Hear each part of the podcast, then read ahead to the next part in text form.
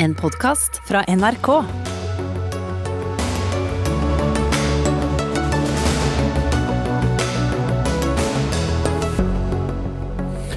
I går statsminister, i dag straffet statsminister. Brudd på smittevernreglene koster Erna Solberg 20 000 kroner etter 60-årsdagen.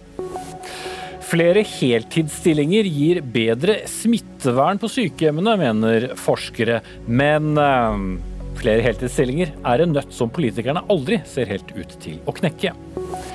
Ekteskapet er ikke den eneste rette rammen for sex, skriver Oslo-biskopen i en ny bok.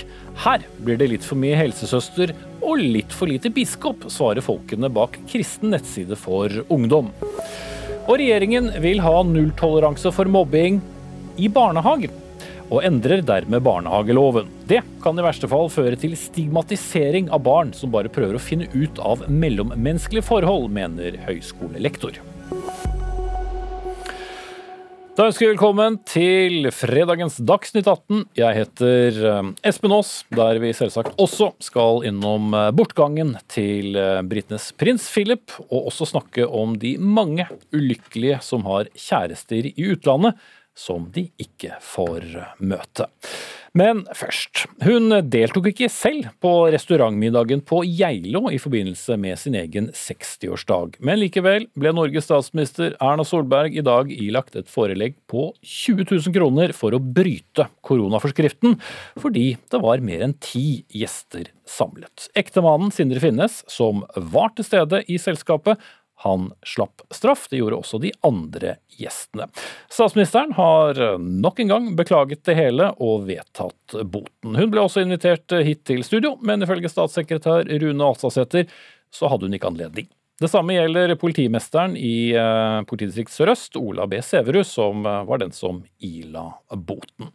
Men uh, denne saken har blitt heftig diskutert i mange fora gjennom dagen. Og Eirin Eikefjord, politisk redaktør i Bergens Tidende, du er med oss på linje fra Bergen. Du er også jurist for øvrig. Og i din avis skriver da på lederplass på nett i dag at politiets konklusjon er underlig, og at påtalemyndigheten ikke skal fungere som et moralpoliti for å oppdra viktige politikere. Hva legger dere i disse formuleringene? Jeg syns at de blander sammen juss og moral, eller juss og moralisme her. Fordi at Moralsk sett så er det jo veldig lett å være enig i hvordan politiet argumenterer med at landets fremste tillitsvalgte, eh, Erna Solberg, må i større grad enn oss andre etterleve de reglene hun har lagd selv og pålagt oss og at det må stilles høyere krav til statsministeren. Men når det gjelder det rettslige, så handler jo dette om likhet for loven. Og da skal jo alle behandles likt, uansett om man er statsminister eller ektemannen til en statsminister. Og hvis man ser på det som skjedde, så hadde jo eh, Sindre Finnes, hennes ektemann, og hun en ganske lik rolle, hvis ikke han da hadde egentlig en mye mer fremtredende rolle i å planlegge og gjennomføre dette arrangementet. Og likevel så får de da en ulik strafferettsreaksjon. Og Det mener jeg er en underlig eh, regel. og Det viser jo at eh, altså Politiet har nok vært veldig opptatt av å behandle Solberg på nøyaktig samme måte som alle andre. Og Ironisk nok da, så bekrefter jo den boten de gir henne, men ikke hennes ektemann, nettopp det motsatte. Mm. Så hva skulle da politiet konkludert med? Skulle de også bøtelagt eh, ektemannen? Ja, Ut fra den logikken at den handlingen fortjener en så høy bot, så burde jo de som var medvirkende til samme handling, få samme reaksjon. Mm. Anine Kierulf, jurist og fagdirektør ved Norges nasjonale institusjon for menneskerettigheter. Da vi snakket med deg før sending, så mente du at politiets konklusjon var god? Ja, jeg reagerte nok ikke så mye på denne eh, avgjørelsen som det Erina Eikefjord gjør. Uh, jeg hørte politiet på den måten at man Eh, vurderer disse sakene slik at eh, de kan gi grunnlag for straff, men at man i utgangspunktet er opptatt av å eh, hva skal vi si, honorere formålet med smittevernloven på den måten at man går inn med råd og veiledning, ikke straff i utgangspunktet.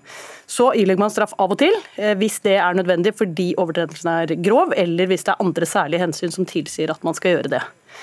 Og da er det da slik at i utgangspunktet blir eh, Sindre Finnes behandlet mer som mann i gata. Ikke helt, fordi han får en påtaleunnlatelse, men eh, statsministeren fordi hun eh, har et særlig tillitsverv for oss og er et forbilde for oss og har fremstått som administratoren, øverste ansvarlige for alle disse smitteverntiltakene som hun har bedt oss om å følge, så behandles hun annerledes.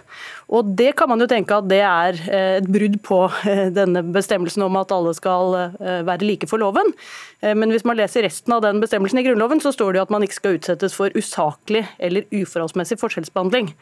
Og det er ikke noe usaklig i å vektlegge ulike hensyn i skjerpende retning når man vurderer både om straff skal ilegges og hvilken straff som skal ilegges, hvor grovt et forhold er. Sånn at uh, Man er ikke mer like for loven enn at man vurderes konkret ut fra sin person. Uh, og Det er ikke noe brudd på den likhetsgrunnsetningen. Og Det var vel en formulering som mange la merke til tidlig på pressekonferansen i dag òg, at uh, det er likhet for loven, men alle er ikke like. Nei, og det, det jo en, var jo en ganske fengende uttalelse, men den kunne nok vært utdypet noe. For den gir jo kanskje et inntrykk av at man nettopp ikke behandler folk likt. Og det er jo ikke tilfellet. Man behandler like tilfeller likt, men i å behandle like tilfeller tilfeller likt, ligger det nettopp også at man behandler ulike tilfeller på en annen måte. Det er på samme måte som når stortingsrepresentanter, som jo også er, har et betydelig tillitsverv, eh, jukser med reiseregninger f.eks., så virker det inn på straffeutmålingen av allmennpreventive grunner. Altså det som skal avskrekke andre i samme type situasjon fra å gjøre noe av det samme. Mm.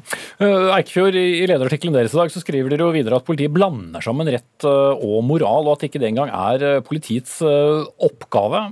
Det høres ut som en hard vurdering?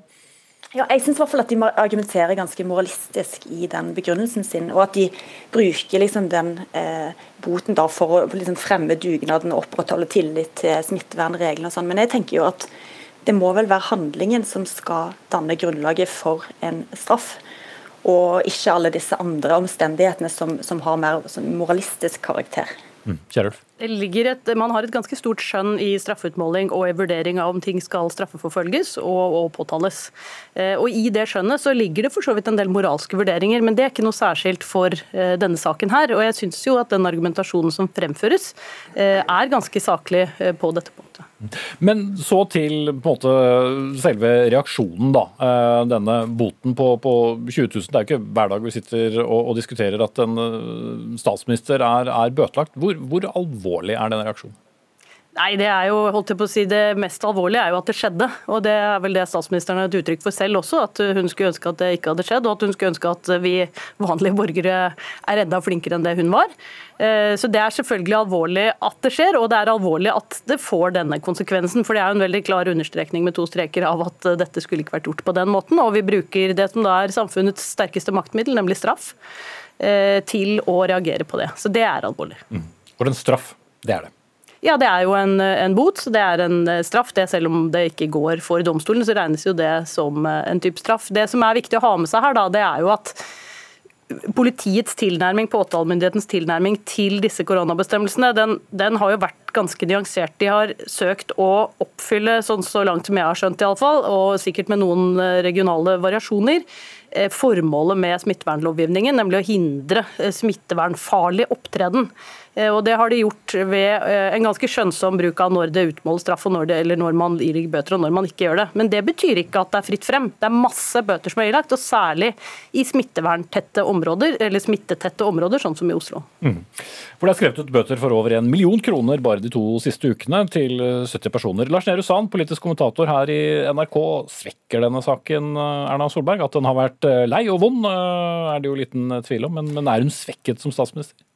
Ja, Altså, Folks tillit til henne er målt gjennom våre statsministermålinger mindre nå enn den var altså signifikant, mindre nå enn den var før denne saken ble kjent. Så den politiske prisen har hun jo langt på vei allerede betalt, og den er mye større enn 20 000 kroner. Mm. Men samtidig, de politiske reaksjonene ellers er relativt forsiktige i dag? Ja, og det har jo preget denne saken fra start. Jeg tror alle partier, eh, også det andre store partiet i Norge som har en eh, lignende sak i, i sin portefølje, ser at det er lurt å, å, å ikke nødvendigvis eh, skal si for noe, være for høy og mørke i, i sin ja, kommentering av denne saken. Men, men for folkelig sett så tror jeg det er viktig at utstedes en, eh, en, form for reaksjon mot statsministeren og hennes familie, og, og, at det rimer med den allmenne eh, rettsforståelsen og forståelsen av at det Solberg gjorde i sum med dette arrangementet, selv om det bare er den ene, det ene delen og restaurantbesøk som er straffa, ikke denne middagen i, i den leide hytta, så, så er det et sakskompleks at hun drar på tur når hun har sagt til alle at vi må møtes minst mulig, vi må reise minst mulig, og alt må være veldig nødvendigvis skal skje, eh, da rimer det for folk at hun må eh, betale en bot for det. Mm. Selv om hun altså ikke var til stede på akkurat den middagen som hun da har blitt eh, bøtelagt for, og var til stede på mm, denne sushimiddagen dagen etter, som da det ikke kom noen bot for. Det er riktig, og det er jo fordi det andre er altså Denne sushimiddagen er brudd på en anbefaling som politiet ikke, som ikke er en politisak, mens middagen, restaurantbesøket, var brudd på en forskrift som er Eh, noe politiet eh, forfølger. Og det, du kan si, det som jo er en mulig nedside her, er jo at eh, dette viser at disse anbefalingene er ikke så nøye. Og Skulle det bli det etterlatte inntrykket, så, så, er det dumt for helsemyndighetenes kamp mot, mot viruset. Og det er en, Folkelig sett kan jo det være en vel så Eh, viktig diskusjon som diskusjonen i den juridiske forskjellsbehandlingen av, eh, av ekteparet Solberg finnes. Mm. Eh, Eikefjord, nå har hun jo vedtatt denne boten. Er da saken ute av verden for Solbergs del? Nei, Det vil jo nok bli huska, særlig når befolkningen har det ganske tøft akkurat nå. Og Jeg tror det er det som er den store klanderen i denne saken. At vi andre blir pålagt så strenge føringer og så rigide forbud. Og så føles det som om noen privilegerte kan få lov å ta seg til rette. Og Det tror jeg rokker ved det som, altså den allmenne rettsfølelsen. Um, og Det jeg synes også at denne saken bekrefter, det er jo at disse reglene er veldig utilgjengelige og dårlig kommunisert, dårlig tenkt, dårlig skrevet ofte.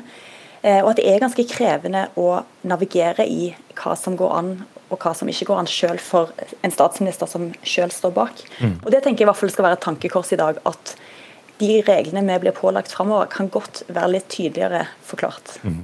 Det sagt, jeg må sette strek. Middagen Erna Solberg aldri deltok på, den bestod av fjell, fjellrett til forrett, villsau til hovedrett og pinasj av flytende marsipan til dessert, med dertil egnede vinner. 20 000 uten å få smake. Og Den andre saken vi viste til, eller Lars Nehru Sand viste til, altså om Arbeiderpartiet, det mye omtalte nachspielet i Bodø, der har påtalemyndighetene i dag for annen gang konkludert med at ingen kan straffes for dette.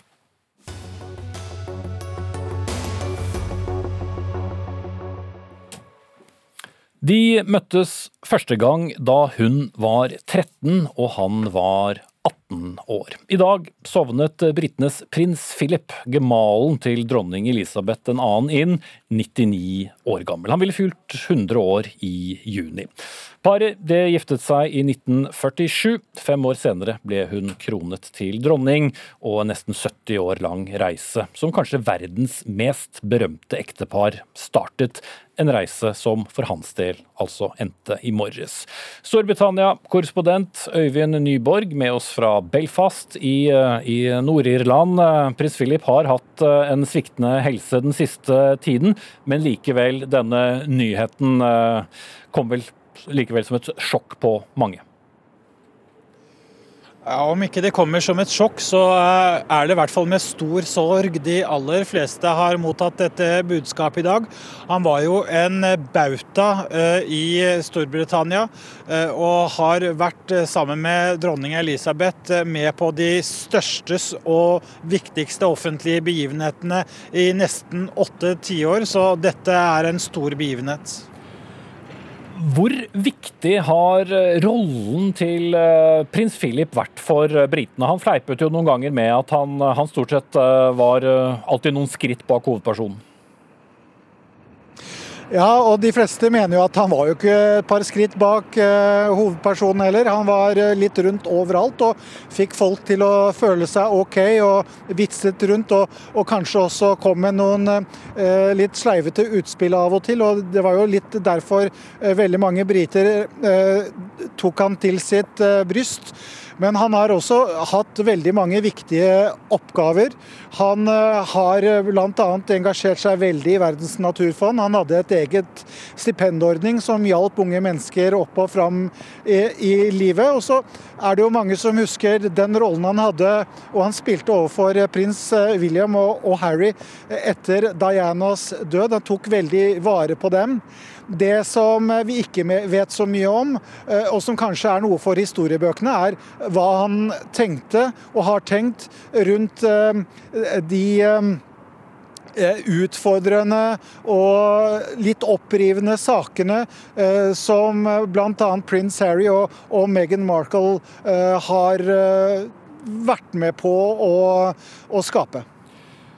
Det er jo knapt noen gjenlevende briter som uh, har vært vitne til da at en, uh, en gemal går bort, slik prins Philip nå har gjort, fordi dronningen har sittet så lenge på, på, på tronen. Hva vet vi om det som kommer til å skje i de nærmeste dagene? Det, vi vet noe, og etter eget ønske så har han ikke villet ha noen stor offentlig begravelse. Han ønsket seg mer en seremoniell eh, begravelse, som, som, det kalles. Det kongehuset er veldig opptatt av, er, ikke, er, at ikke store mengder mennesker skal samle seg i Windsor eller ved Buckingham Palace. Eh, for vanlige folk så er jo en begravelse begrenset nå til 30 mennesker, så eh, dette blir nok en litt nedspilt minne og ettermæle, holdt jeg på å si, um, opplegg rundt eh, begravelsen, men detaljene er jo ikke klare. Mm. Sier vi takk til Øyvind Nyborg med oss direkte fra Belfast, med det som så som Titanic-verftet i bakgrunnen der. Inger Merete Hobbelstad, kommentator i Dagbladet og forfatter av boken 'Årene med, årene eh, med Elisabeth', eh, da, om, om dronningen. Hvor mye vet vi egentlig om prins Philip som person? Han forble på mange måter en gåte. Det har litt med å gjøre at han ofte holdt eh, kortene tett for brystet. Han var ikke glad i å snakke om eh, personlige ting, eh, hva han tenkte og følte om hendelser i, i privatlivet sitt. Vi vet at han syntes det var ofte svært vanskelig å, en, å spille annenfiolin i ekteskapet han havnet i. Han var på mange måter en slags alfahann, en litt sånn konvensjonell mann som hadde vært i marinen, hatt kommandoen over sitt eget skip. Eh, så ble kona hans dronning, og dermed så ble han henvist til en slags sekundær rolle der ingen egentlig visste hva man skulle gjøre med ham. fordi du kan si at en inngiftet dronning ville ha en tradisjonell vertinnerolle. Det var litt vanskelig å gi en mann. Eh, så han følte at han ble holdt utenfor viktige avgjørelser, og var i lange perioder veldig misfornøyd med det. Eh, samtidig som vi vet at han etter hvert spilte en viktig rolle i å modernisere eh, kongefamilien og, og monarkiet. Bl.a. med at han var opptatt av, at, opptatt av, at, de måtte kommunisere med folket, bruke TV-mediet, sørge for å holde seg populære. At det ikke var noe de kunne ta for gitt. Mm. Eh, han hadde en personlig en svært dramatisk livshistorie, men den var han svært lite glad i å snakke om. Ja, og Dette handler jo om uh, oppveksten hans. Han ble jo født av prins Philip av, av Hellas og Danmark, men særlig de tidlige årene var uh, veldig spesielle. Det stemmer. Eh, da han var bare et spedbarn, så måtte familien hans forlate hjemlandet fordi det var kupp i Hellas. Eh, de dro derfra til Paris uten noe særlig penger. Det som skjedde etter det, var at moren hans ble tvangsinnlagt på en psykiatrisk institusjon. Eh, mens faren hans stakk til Monte Carlo med elskerinnen sin og storesøstrene giftet seg. Og så Fra han var 8-9 så var han egentlig praksis foreldreløs og ble sendt som pakkepost mellom forskjellige familiehjem i Storbritannia og i Tyskland. Eh, den søsteren som han sto nærmest, falt ned i fly og døde der sammen med hele sin familie. Eh, så det er klart det er eh, veldig traumatiske og dramatiske hendelser som preget barndommen hans. Og man fikk jo inntrykk av at dette hadde litt å gjøre med at han ble en litt sånn stribar, lukket skikkelse som, som ikke likte å, å, å, åpne de dørene inn til seg selv og fortelle så mye om, om hvordan han, han, egentlig hadde det. Men dette er jo selvfølgelig opplevelser som preget ham sterkt. Da vi snakket sammen på telefon eh, tidligere i dag, eh, Hobbelstad, så omtalte du prins Philip som eh, dronningens eneste opprør i livet. Ja, det er en ting jeg har syns har vært litt interessant i dette. For du kan si at dronning Elisabeth har jo gjennom hele sitt liv uh, utpreget, vært en utpreget pliktoppfyllende skikkelse. Uh, hun var veldig lojal som barn, har fulgt veldig premissene som foreldrene hennes la for uh, monarkiet. Levd opp til deres idealer. Men på ett punkt så brøt hun med dem, og det da var da hun insisterte på å gifte seg med prins Philip. Foreldrene hennes var litt skeptiske til ham. De syntes han var litt for fremmed, litt for frittalende, litt for vill litt for uforutsigbar. Tenkte vel at hun kanskje skulle ha en trygg, traust britisk aristokrat i stedet. Eh, men der holdt hun på sitt. Eh, og Det sier også noe om hennes karakter. Eh, fordi prins Philip var jo da som sagt en frittalende person. Han sa høyt hva han mente. Han var for mange for radikal. Han snakket om at Gandhi var en stor mann. Dette var det ikke alle i det britiske etablissementet som var enig i på den tiden da India drev og løsrev seg. Eh, men dette sier jo at hun gjerne ville ha en person rundt seg eh, som ikke hadde så stor respekt for henne, ikke behandlet henne med slik ærbødighet, men som, som, sa det han mente om saker og ting og hvordan hun håndterte sin rolle. Og det fikk hun jo også, for han var jo kjent for å være en svært eh, frittalende mann, ofte i den grad at det vakte offentlig furore gjennom hele sitt liv. Ja, Vi kan jo ta med et eksempel som ble lagt merke til. I 2003 møtte han Nigerias president, ikledd da i en tradisjonell klesdrakt, hvorpå unnskyld, prins Philip spurte eller sa 'You look like you're ready for bed'. Det ser ut som du skal gå og legge deg. Takk til eh, Inger Merete Hobbelstad, kommentator og forfatter. Prins Philip ville altså blitt 100 eh, år i juni.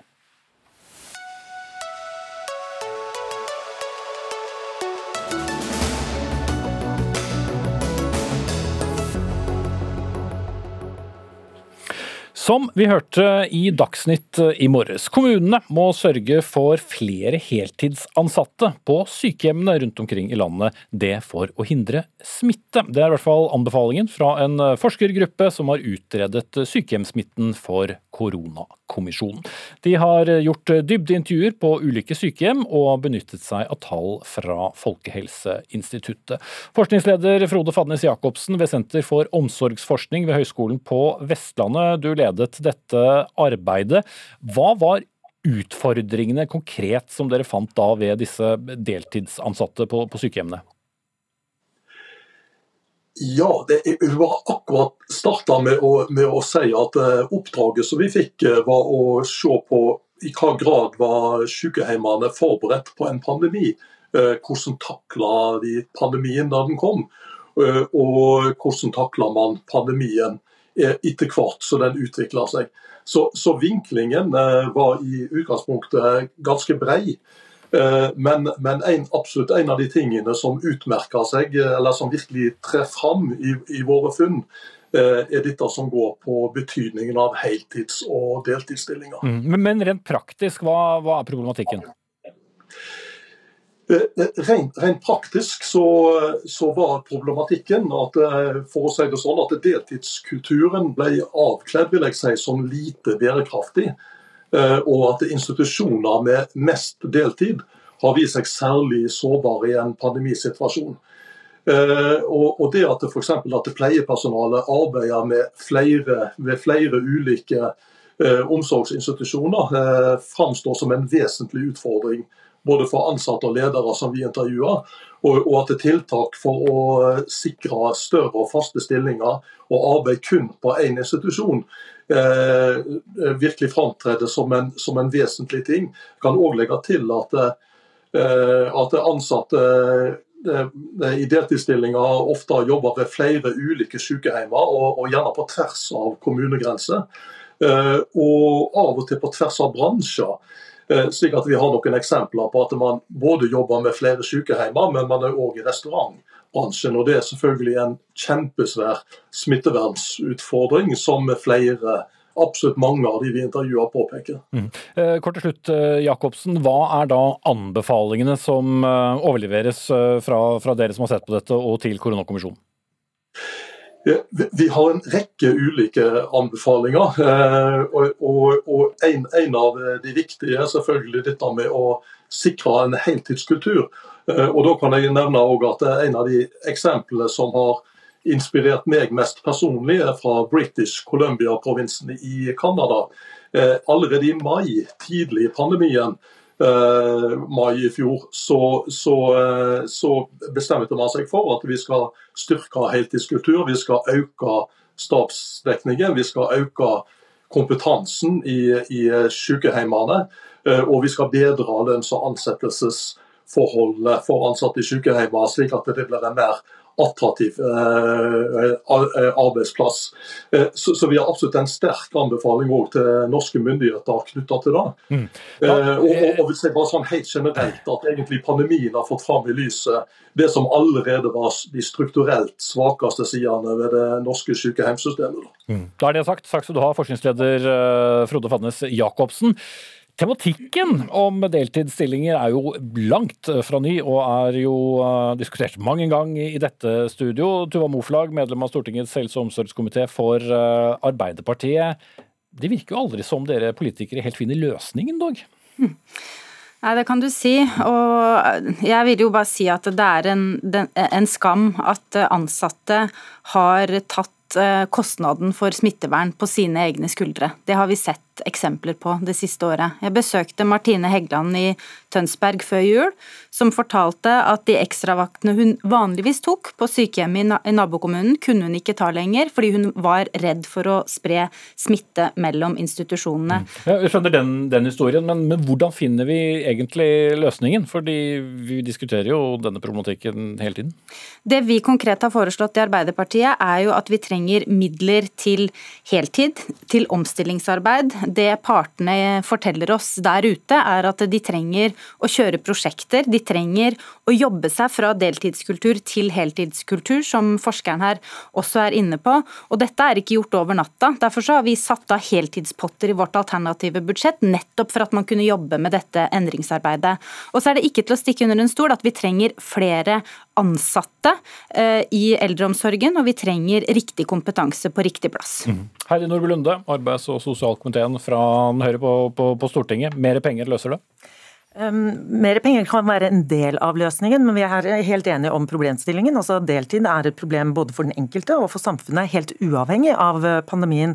Og Det er også en av grunnene til at regjeringen har jobba målretta for å få ned deltid, f.eks. i sykehussektoren. Og også en av grunnene til at vi endra arbeidsmiljøloven i 2015 eh, for å bl.a. Eh, se på alternative turnuser for å få turnusene til å gå opp. Mm. Men har det hjulpet? Det, det har det. Vi har, sett en, en, vi har sett fra 2013 og fram til i dag så har deltid deltid eh, gått ned fra 42% til 37 blant, eh, blant kvinner. Og vi ser også i omsorgssektoren at det går sakte, men ikke mm. raskt nok nedover. Forskerne peker jo på dette som et eh, da, problem. Det er absolutt fortsatt et problem, men vi ser jo at de som har brukt endringene i arbeidsmiljøloven til å innføre langvakter, har ført til at det har vært enklere å få turnusene til å gå opp. Flere kan få faste ansettelser. Det fører til en reduksjon i bl.a. sykefravær, og som gjør at man har mindre behov for vikarer. Og i tillegg så fører føler beboerne seg tryggere fordi de får færre å mm. forholde seg til. Men hvis det går så langsomt, så ja, og det var jo en av, og det var noe av det disse pekte på, nemlig det at man får færre å forholde seg til. nettopp mm. fordi at Men hvis dere holder på med dette siden 2013 og vi skriver 2021, så viser vel da funnene til Fadnes Jacobsen og resten av gruppen at det kanskje ikke fungerte? Det, jo, det fungerer, men det går ikke raskt nok. Og Det er også en av grunnene til at vi har lagt inn flere midler også i noe som vi kaller Kompetanseløftet 2025, som er en videreføring av eksisterende politikk som går på nettopp å videreutdanne etterutdanne eksisterende helsepersonell, sånn at vi får utløst det potensialet. Ja, det er jo sånn at eh, Det vi har foreslått med konkrete omstillingsmidler til heltid, det har regjeringa stemt ned. Og så er det jo sånn at Disse ansatte nå da, som vi har stått på balkongen og, og klappa for, det de trenger er ikke et svakere stillingsvern. Det de trenger er å bli satsa på at vi bruker penger på å trappe opp bemanninga i eldreomsorgen. Det er for skrint bemanna i utgangspunktet, og vi vet at veldig mange som jobber i eldreomsorgen har ikke formell fagkompetanse. Men jeg må få trekke inn en ting til. Sverige har jo ikke akkurat vært et eksempel vi ønsker å se opp til i denne pandemien. Trukket frem, ja. ja, det har jo vært litt, Vi har jo hatt litt holdt jeg på å si, utveksling med Sverige i dag, uten at, skal, uten at jeg skal trekke opp eh, den debatten. Men eh, det er jo sånn at eh, Sverige har jo pekt på nettopp privatisering, oppsplitting, høy vikarbruk som en utfordring i sin håndtering av pandemien. Høy smitte, mange dødsfall osv. Men det er jo nettopp dette regjeringa ønsker å innføre nå, med mer oppsplitting, mer privatisering privatisering i eldreomsorgen. Så her tar man jo ikke inn over seg de resultatene som forskerne kommer med, som realitetene viser. Allikevel så vil man privatisere og splitte opp mer i norsk Lunde. eldreomsorg. Ja, jeg skjønner ikke helt hvor Moflag får dette her fra. For det første så er det jo ikke svakere stillingsvern som har gjort til at disse langvaktene har ført til flere faste hele stillinger på de sykehjemmene som har innført eh, det, og at sykefraværet har gått, eh, gått ned, og at det dermed beboerne får færre å forholde seg til. Eh, Så det er jo falskt. I i tillegg så anerkjenner vi jo det at det er formell fagkompetanse som trengs, og vil ønsker å gjøre det et løft, og som gjøres gjennom Kompetanseløftet 2025, som bygger på eksisterende politikk. Og det er ikke bare mer penger som nødvendigvis skal til for å løse det. Det er bl.a. endringer i arbeidsmiljøloven, som dere stemte imot, og LO faktisk da eh, tok ut generalstreik mot, som førte til nettopp disse flere hele faste stillingene ved sykehjem i, i Norge. Og så går det for sakte, og vi er villige til å se på virkemidlene, men Arbeiderpartiet stemmer jo konsekvent mot, og LO går til generalstreik. Dere stemmer jo alltid mot hverandre, da. Det er jo Ja, men det er sånn feil. Men, men, men poenget er det at vi har fått eh, beskjed fra forskerne fra rapportene om hva som trengs nå for å få bedre kvalitet, eh, bedre eh, pasientsikkerhet i eldreomsorgen. Det er mer helhetlige tjenester, flere hele stillinger, ikke mer oppsplitting og privatisering. Så jeg vil gjerne ha et svar på hvorfor man skal ha eldreomsorg etter svensk modell. Hvorfor skal man ha en fast track for privatisering, fri etableringsrett for aktører i eldreomsorgen? Det er ikke løsninga på det vi står oppi nå. Igjen, dette her er jo eh, altså falske premisser. I Oslo så, så vi bl.a. at når man fikk inn private på sykehjemssektoren, så eh, gikk kvaliteten generelt opp, ikke bare hos de private. Det var også der hvor du, du har hatt noen av de private sykehjemmene i Oslo som har skåret best på kvalitet i helsetjenestene, hvor sykefraværet har gått ned, og hvor du har fått flere hele stillinger. Så eh, dersom, eh, dersom eh, Moflag Da er vi jo langt inn i en annen diskusjon, vil jeg si, og, og, og, og lavere lønn. Men jeg vil vite Det er hvor heller ikke Nei, men riktig. jeg vil vite hvorfor man nå går inn for en løsning med mer oppsplitting, mer privatisering av tjenestene i eldreomsorgen. Vil man ikke ta inn over seg realitetene? Mener man virkelig at det man har sett i Sverige det siste året er noe vi skal bruke som et eksempel for norsk eldreomsorg i framtida? Igjen, da kan jeg snu på det og si hvorfor vil dere ikke være med på endringene i arbeidsmiljøloven, hvor Anette Trettebergstuen, da vi presenterte dette i 2015, sa at eh, Høyre var på bærtur, og at 12,5-timersvakter ville føre til mer, ikke mindre deltid. Så kommer Arbeiderpartiets nestleder på Arendal sykehjem under valgkampen i 2019 for å så se på hvordan en Arbeiderpartikommune løser dette. Og svaret i reportasjen som TV 2 kjørte da, var jo nettopp at det var disse langvaktene som hadde løst turnusproblemen, ført til lavere sykefravær, ført til flere hele faste stillinger. Og Det kan man få til i samarbeid med partene. Det er jo sånn at Lokale tillitsvalgte kan inngå denne avtalen med sine ansatte lokalt, men det svarer jo ikke på denne oppsplittinga og Fafo privatiseringa. har for øvrig utført undersøkelser Fagforbundet synes at sju av ti helsefagarbeidere da jobber deltid. Og så viser den samme undersøkelsen hver fjerde ansatt jobber flere steder. En del oppgir det som eh, for å få da eh, høy nok inntekt. Det er jo veldig mange. Og det viser seg at det er jo rundt 20% av de som jobber i særlig helsesektoren, som svarer at de gjerne ville hatt eh, større, eh, større stillingsprosenter. Og så er det 80% som jobber frivillig deltid. Og da mener jeg at vi må se på helhet i eh, politikken, og ikke bare adressere ufrivillig eh, deltid, men også frivillig deltid, for Men- å skape nettopp den heltidskulturen Men, som men butter det da bare hos dere politikere som ikke stemmer for hverandres forslag, eller ligger noe også hos arbeidsgiverne her? Det er en omfattende kulturendring som må til. eh, Og jeg pleier alltid å utfordre også fagforeningene når vi treffes, og sier at dere har også et betydelig ansvar for å sørge for at vi her kommer i mål. Eh, Dette arbeidet må vi gjøre i fellesskap, men da trenger vi også en regjering som er villig til å satse på det, og som er villig til å sette av midler til dette omstillingsarbeidet, som Arbeiderpartiet har gjort. Enige om målet, ikke nødvendigvis middelet. Heidi Nordby Lunde fra Høyre, Tuva Moflag fra Arbeiderpartiet.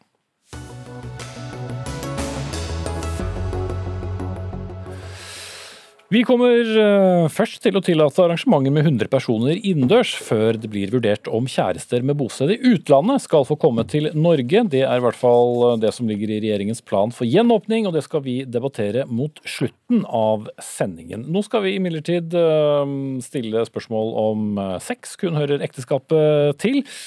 De som står bak den kristne nettsiden guttogjente.no, som handler om sex og samliv for ungdom, har nemlig reagert på en ny bok fra Oslo-biskop Kari Weiteberg. De mener hun tar for lett på ekteskapet når hun at, avviser at det er den eneste rammen for sex. Espen Ottesen, vi kjenner deg jo til vanlig som informasjonsleder i Norsk Luthersk Misjonssamband, men du er altså da pressekontakt for denne kristne nettsiden.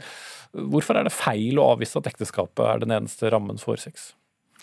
Altså når jeg leste hvordan eh, Kari Weiteberg svarte på spørsmål da, om sex og samliv for ungdom og sånn Så Det er en bok hvor hun da svarer på spørsmål, ja. Så syns jeg at hun eh, nedtonet ekteskapet i for eh, stor grad. At hun rett og slett snakket litt for mye som en helsesøster og litt for lite som en biskop. Som, som bør, tenker jeg da, løfte fram at God sex er avhengig av forpliktelse, trofasthet, kjærlighet. Eh, vi må si mye mer enn at bare eh, samtykke er alt som skal til eh, når, når, når temaet er på en måte hva er god sex og, mm. og, og hva skal vi si til ungdom.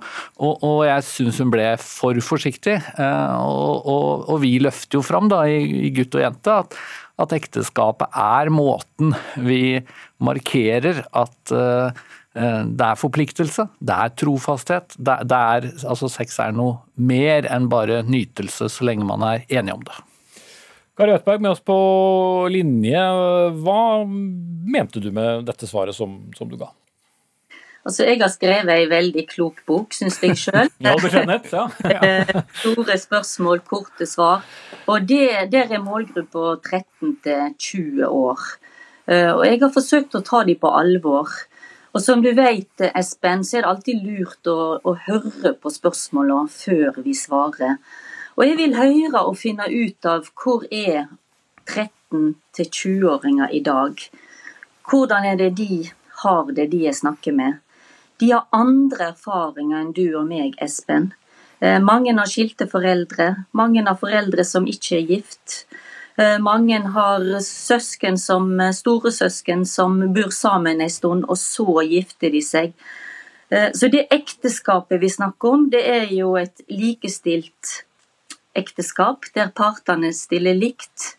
For 13-20-åringer så er nok det ganske langt fram i horisonten. Mm. Ja, vi gifter oss heldigvis ikke tidlig i tenår, eh, Espen eh, Ottesen. Og det kan vel også avsløres at eh, de aller fleste vil ha sex lenge før de gifter seg? De har nok det, og det er et stort sprik, helt åpenbart. Et kjempesprik mellom den tradisjonelle kristne forståelsen av seksualitet, ekteskap, samliv, eh, og hva skal vi si, Ola Nordmanns forståelse i dag. Men Du vil ha litt mer sånn kristen moral inn i svarene fra biskopen når hun svarer de unge, da? eller? Ja, altså, men, men, jeg er jo enig i det hun sier også, om, om viktigheten av å lytte ta ungdommene på alvor. Det er klart det er en risiko, eh, kanskje særlig når man sitter her som eh, en ganske fersk bestefar. Da er det jo litt skummelt å drive og snakke om ungdom og sex og forklare hvordan dette bør være. Og det å komme med pekefingeren og snakke eh, raskt og kjapt om hva som er synd altså Jeg også ser viktigheten av å lytte, kommunisere, finne ut hvor er disse ungdommene. Men vi, altså skal man ha noe bruk for kirken, så må den jo også våge å si noe. Mm. Men hva ville vært et mer geistlig svar, da?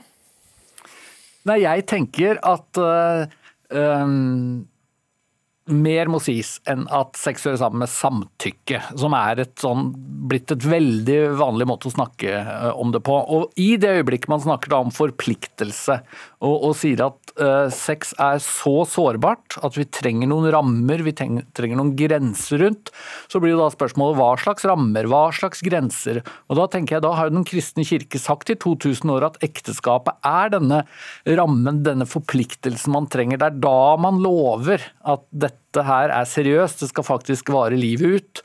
Eh, og jeg tenker at Det jeg hører da når biskopen svarer, er at hun er veldig opptatt av å lytte.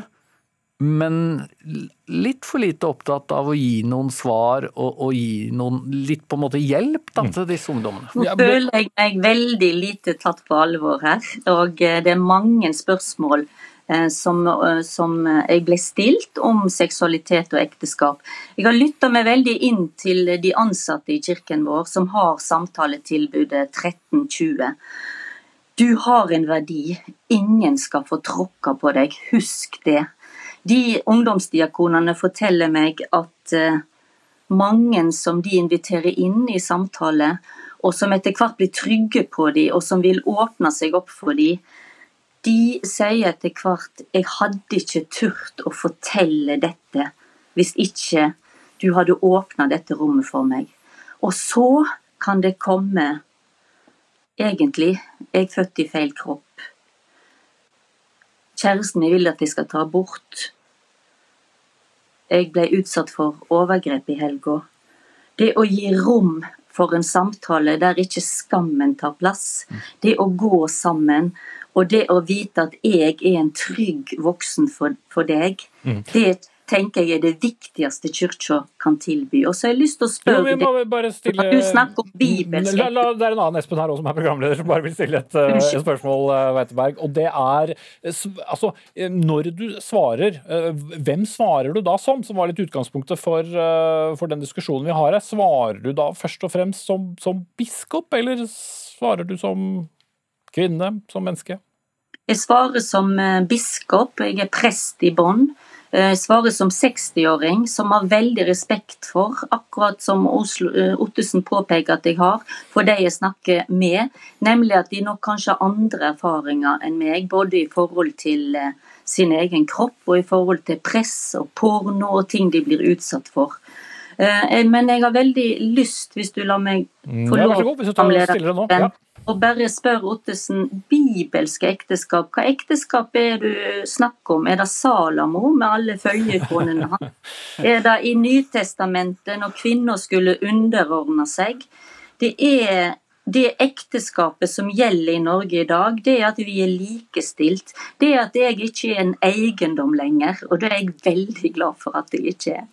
Ja, jeg har aldri tenkt at eh, en kristen forståelse av ekteskap gjør kvinnen til en eiendom, eh, eller at vi skal støtte polygami. og Jeg syns det er flott å sitte i Dagsnytt 18 og kunne ha en dybdeteologisk eh, samtale om ekteskapets ramme, men mitt utgangspunkt er jo at ekteskapet det er en pakt mellom to personer. Mann og kvinne som lover å leve sammen til døden skiller. Sånn har det vært i Norge i, i hundrevis av år, at, at det er den forståelsen som er helt grunnleggende.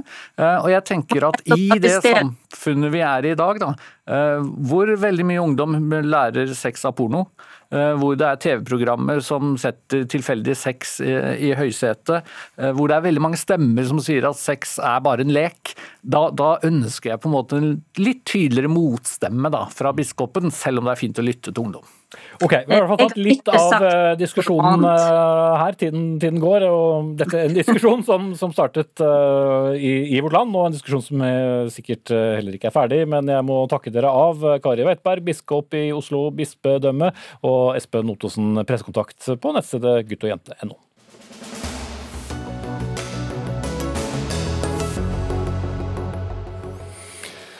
Det var ekteskapet. Nå skal vi snakke om eh, barna. For eh, den nye paragrafen i barnehageloven ja, den kan i verste fall føre til stigmatisering av barn som prøver, ut, prøver å finne ut av eh, mellommenneskelige forhold. Ja, Det skriver høyskolelektor ved Høgskolen på Vestlandet, Vigdis Foss i Berges, Bergens Tidende. Barnehageloven den fikk fra nyttår et nytt kapittel om psykososialt barnehagemiljø, som regjeringen kaller for en mobbelov. Og, og Vigdis Foss, i denne mobbeloven fra regjeringen så blir det foreskrevet en nulltoleranse mot krenkelser i barnehagen. Og det er dette du og en kollega kaller for problematisk i, i Bergens uh, Tidende.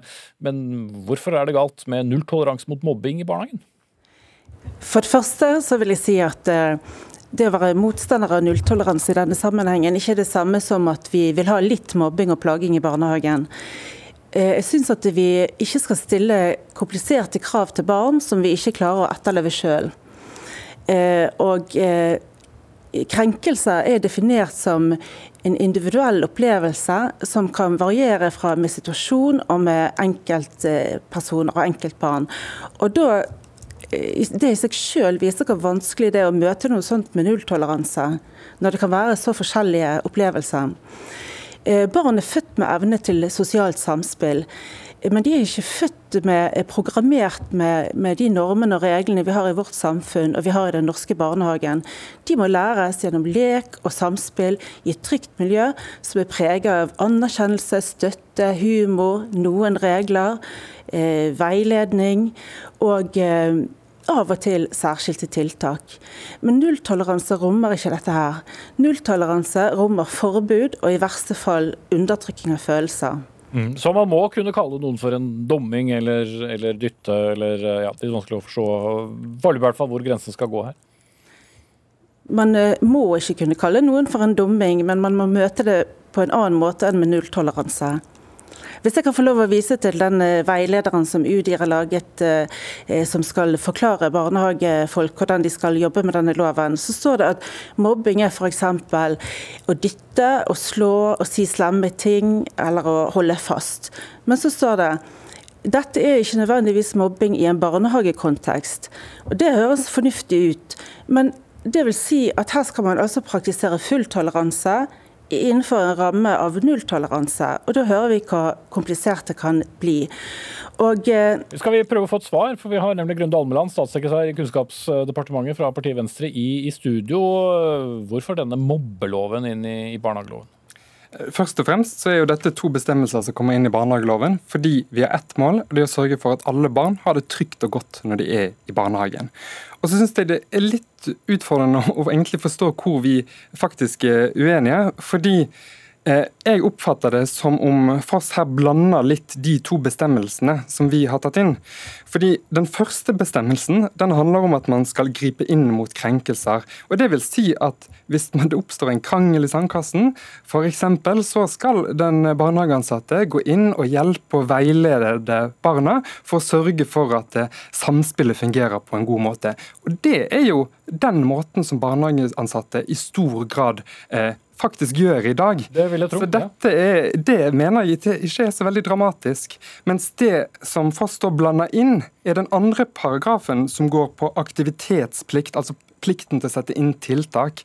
Det handler ikke om de situasjonene som oppstår med en krangel i sandkassen. Hva handler det om, da? Det handler om når det er eh, når man ser over lengre tid at barn ikke har det godt i barnehagen. Da er det en plikt nå lagt inn på barnehageeier for å sørge for at man har gode systemer for å sette inn tiltak og følge opp, sånn at uh, faktisk barna skal til slutt få det bra. Mm. Og Det er det dette handler om. Så det er veldig viktig å ikke blande de to situasjonene. For det er helt riktig som Foss sier, at barnehagebarn er en alder hvor egenskaper som empati og intensjon okay. ikke er fullt utviklet. Ble du klokere da, Foss? Ja, det, altså, det, er ikke jeg som blander kortene her. fordi at eh, Det han sier nå, det er at eh, det er hendelser over tid. Men i, i veilederen så står det straks om en gang skal man gripe inn og sette inn tiltak. Det står ikke over tid. Det er jo det som er litt av problemet her. Det er nulltoleranse straks med en gang. Og med den beskrivelsen som ligger i veilederen, og som også, også han sier her, så handler det egentlig om at eh, de som jobber i barnehagen må utøve profesjonell dømmekraft, sånn som de alltid har gjort. Og Da forstår ikke jeg hva denne nye regelen skal bidra til. Mm, jeg hadde det som et spørsmål selv her, Almeland. Hvorfor trenger vi dette? Fordi eh, alle vi som har barn i barnehage, vet jo at det er jo det barnehagepersonellet gjør. Eller i hvert fall skal gjøre. Gripe inn. Altså, jeg syns ikke det er så dramatisk at vi får inn en regel nå eh, som den første paragrafen er, for å sørge for at man får et godt barnehagemiljø. Vi har jo en tilsvarende regel for skolen. Vi, vi som er voksne har det på, for å være på arbeidsplassen. Så det å ha en, den type regel har vi god tradisjon for, for i norsk lov.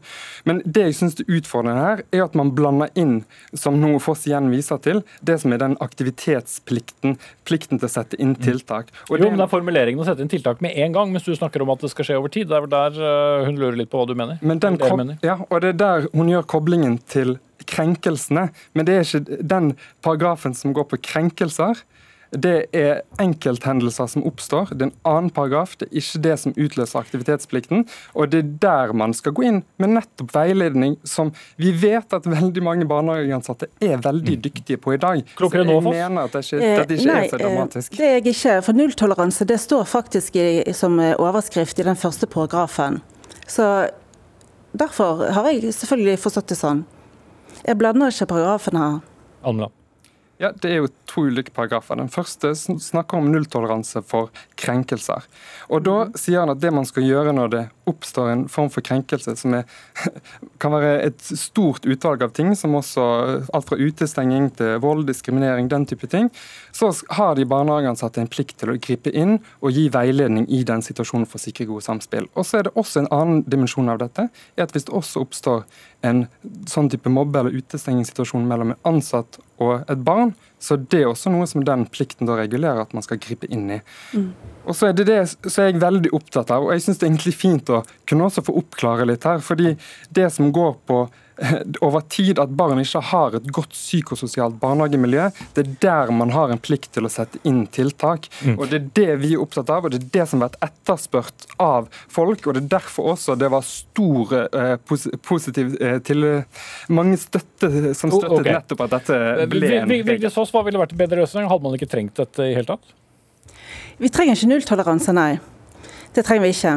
Eh, de som jobber i barnehage må få lov til å, å bruke sitt eh, faglige og profesjonelle skjønn på det de, det de, kan og det de alltid har gjort. Og så må de ha gode rammevilkår å jobbe innenfor. Så kanskje det at eh, altså Barnehagefeltet har jo sagt fra i årevis at de trenger flere ansatte, ikke flere regler. Og så må selvfølgelig sånne som meg som jobber i barnehagelærerutdanningen se på utdanningen. Er det noe der vi kan gjøre bedre? Det, er mange forskjellige måter å gripe dette an på, men nulltoleranse eh, skaper ingenting. Kort til slutt, eh, Almeland. Ja, jeg tror det er viktig å ha en sånn bestemmelse som vi har på andre felt, som vi har i skolen.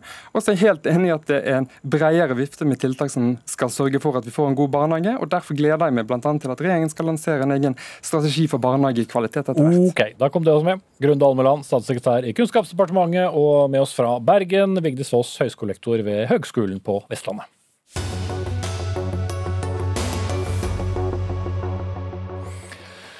Nordmenn med kjærester i utlandet fortviler, og de har eh, gjort det lenge. For eh, regjeringen har bestemt at verken kjærester eller forlovede skal defineres som nær familie, og derfor får de heller ikke komme inn i landet slik ting er nå. Og Søker man UDI om eh, et forlovelsesvisum, så kan man påberegne seg en ventetid på opptil ni måneder på det. Tormund Møkleby, du har forlovede som bor på Filippinene. Dere har ikke sett hverandre på over et år fysisk, og du har startet en gruppe som heter Slipp oss inn på, på Facebook, som i dag har fått eh, over 8000 medlemmer. og Forklar eh, frustrasjonen deres. Ja, altså eh, nå, eh, Den største utfordringa vår nå det er at eh, landet stengte, grensene stengt, ble stengt helt den 29. Og Da skal de stenge midlertidig i 14 dager for å få kontroll på den britiske varianten av viruset. Eh, grensene har nå vært stengt i over to måneder, og med regjeringens gjenåpningsplan så vil vi ikke kunne få se vårt kjære igjen før i slutten av mai. Eh, og eh, sikkert enda senere, hvis det blir noe sånn utsettelse og mer smitte og sånn. Og, Men vi må jo stenge grenser pga. pandemien, det mener jo helsemyndigheter og det mener jo alle.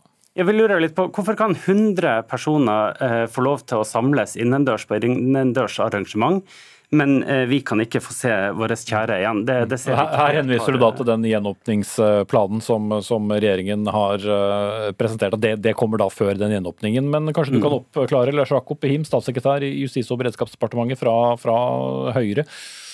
Mange lurer på hvorfor kjærester og forlovede ikke skal regnes som nære? Det som er Utgangspunktet vårt er jo at vi ønsker at færrest mulig skal reise. Både utenlands, innenlands, og vi skal treffe færrest mulig. Det er den klare smittevernfaglige anbefalingen, og det er det som styrer de eh, vurderingene vi gjør. Og Det ser vi fungerer. Vi ser at uh, nå i påsken så var det en nedgang i 96% reisende denne påsken. Sammenlignet med 2019 så var det den siste påsken som var tilnærmet normal. Og innenlands så var det også 70% nedgang i reiser. Mm. Men betyr... veldig mange kjærester fortviler over at det er så vanskelig for dem uh, å møtes. Ja, men det som er poenget er at det er veldig mange som nå ikke treffes. Og det er tøft for veldig mange. Selvfølgelig også for denne gruppen, det forstår jeg veldig godt. Men det gjelder veldig mange. Og så er det forskjellen her at det er en regulering, men det betyr ikke at vi ønsker at alle andre skal reise som normalt. Det mm. ønsker vi ikke, og det skjer heller ikke. Men så til poenget til Møkleby. da, for I trinn 1 i den gjenåpningsplanen deres så åpner det da, altså som han sier, for arrangementer med inntil 100 personer eh, innendørs. Men uh, hvor dere kjærester utlandet, da må vi videre til uh, trinn 2. Mm. Hvordan henger det sammen? Dette er jo fordi utgangspunktet er å reversere eh, først en del av de tiltakene som ble innført rett før påske, som var de siste også som vi strammet til. Eh, og så er det rene vurderinger av de ulike hensynene som, som ligger bak. og Det som har vært hovedprioriteten vår, har vært barn og ungdom. Eh, og så er det arbeidsliv og næringsliv. Og så er det andre, andre hensyn som kommer i neste rekke, som har vært styrende. Så er det god løsning sånn som den er, eller det, må, det bare må være sånn? det er det du sier? Nei, altså De ulike tiltakene vurderer vi jo løpende. og Det er klart det er summen av tiltakene som er det viktige. Vi kan sitte og sette enkelttiltak opp mot hverandre og vurdere det ene eller det andre. Men det som er hovedtilnærmingen vår, er å redusere kontakten mellom mennesker, og vi ønsker å redusere reisevirksomhet både innenlands og utenlands. Mm. Men altså i praksis for deg og alle de da som er medlem av denne gruppen som, som du har, har, startet, eh, det har jo ikke vært helt umulig å reise over landegrensene, men det har noen kostnader i tid og, og annet? Eh, ja, for, for, mange så har det eh, også vært, vært umulig. Pga. bl.a. sånne som meg som venter på forlovelsesvisumsøknad f.eks. Da, da er det ikke mulig å, eh, å søke om sånn besøksvisum eh, i, mens man venter på det. Og eh, når ventetida da er sånn ni måneder, så, så, er det veldig, veldig, veldig lenge å vente. Og for andre så har de hatt veldig vanskeligheter pga. de karantenereglene, men at de har planlagt da en innreise og så eh, kom den her 29.1-stoppen eh, i veien for det. Mm. Sånn men, men mener du at da dere skulle hatt andre lettelser fordi dere er kjærester? Hva, hva ser dere for dere? Ja, altså vi er, jo, eh, vi er jo en del av samfunnet. Vi er jo ramma av de, de samme eh, ja, restriksjonene og påvirkninger korona har på, på alle. Vi jobber, vi har alle typer yrker, arbeidsledige, permitterte. Eh, men i tillegg så får vi ikke møtt da de som står oss nærmest. Mm. Det... Og Hadde dere vært uh, gift, så hadde det vært uh, annerledes. Det er litt den definisjonen av hva som er nære og, og, ikke nære som mange er veldig frustrert over her. Da. Him, hvorfor måtte grensen gå der i 2021, hvor ikke alle gifter seg? Nei, Det er uh, et par hensyn som ligger der. Det ene er selvfølgelig at det er litt enklere å kontrollere om man er gift eller samboer. Og så er det selvfølgelig en stor variasjon både på den gruppen og kjærestegruppen. Men kjærestegruppen er litt vanskeligere å, å definere, definere klart og finne regler på. Men igjen, understreke at vi ønsker ikke at alle de som er ektefeller eller samboere heller skal drive med utstrakt reisevirksomhet, og ikke noe tyder heller på at det skjer. Så det viktigste er de rådene vi gir og den tilnærmingen vi har i totaliteten. Mm. Men de er likevel unntatt reiseforbud, da? Det er det som er poenget? De er unntatt, men de anbefales å reise strengt tatt minst mulig. Eh, og så er det jo selvfølgelig sånn at Vi ønsker jo ikke å ha disse begrensningene lenger enn høyst nødvendig. Vi har vært tydelige på at vi ønsker å åpne når det er mulig, og har lagt en plan for det. Og Vi håper at med de tiltakene vi har, at vi kan følge den planen. og Da er det i hvert fall ikke altfor lenge til vi forhåpentligvis kan, kan åpne for, for, flere grupper. Mm, komme tilbake igjen. Ja, eh, nei, for at vi, vi er jo en veldig lita gruppe. Mm. Allerede den 11. februar så anbefalte FHI å åpne opp for innreise for kjærester og familie igjen, eh, da vi utgjør en veldig liten gruppe, og at disse tiltakene er veldig inngripende for, for oss. da. Eh, og vi er interessert i å ta vare på smittevern og eh, testing, karantene. Mm. Gjerne det. Bare, bare åpne grensene. Og Vi ser ikke helt hvorfor det her skal føre til sånn voldsomt økt smitte. Altså De fleste som ønsker å se sine kjære, de ønsker å være veldig forsiktige. Eh, jeg har hørt om folk som har gått i hjemmekarantene i hjemlandet sitt før de har reist, i tillegg til karantenen de har i Norge.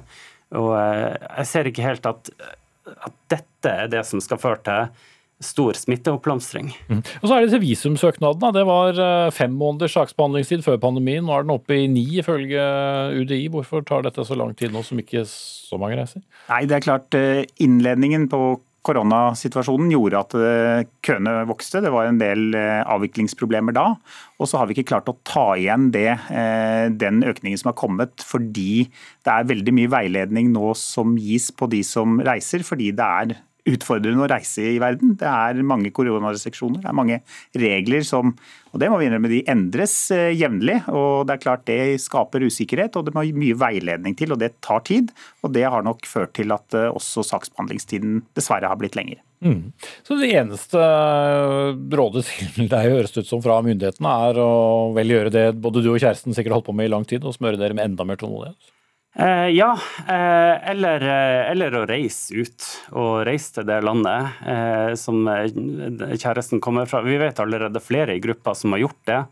Så hvis det er mindre reisevirksomhet man ønsker, så, eh, så bør det åpnes snart. Fordi jeg vet, jeg vet flere som også kommer til å, til å, dra ut av landet hvis det ikke åpner snart. Mm. Men vi har smurt oss med tålmodighet veldig lenge. Mm. Men ingen, eh, ingen, gode nyheter i sikte høres ut til uh, Tormund uh, Møkleby, grunnlegger av gruppen Slipp oss inn, og takk til Løs Pim, statssekretær i Justis- og beredskapsdepartementet fra partiet Høyre. Dagsnytt 18 i dag og denne uken er ved veis ende. Ansvarlig for dagens sending var Dag Dørum. Hanne Lunås tok seg av det tekniske ansvaret. Jeg heter Espen Aas, og allerede rett over helgen så er vi på plass med et knippe nye sendinger. I mellomtiden så får dere ha en riktig god helg.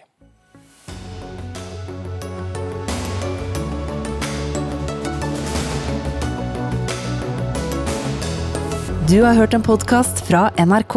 Hør flere podkaster og din NRK-kanal i appen NRK Radio.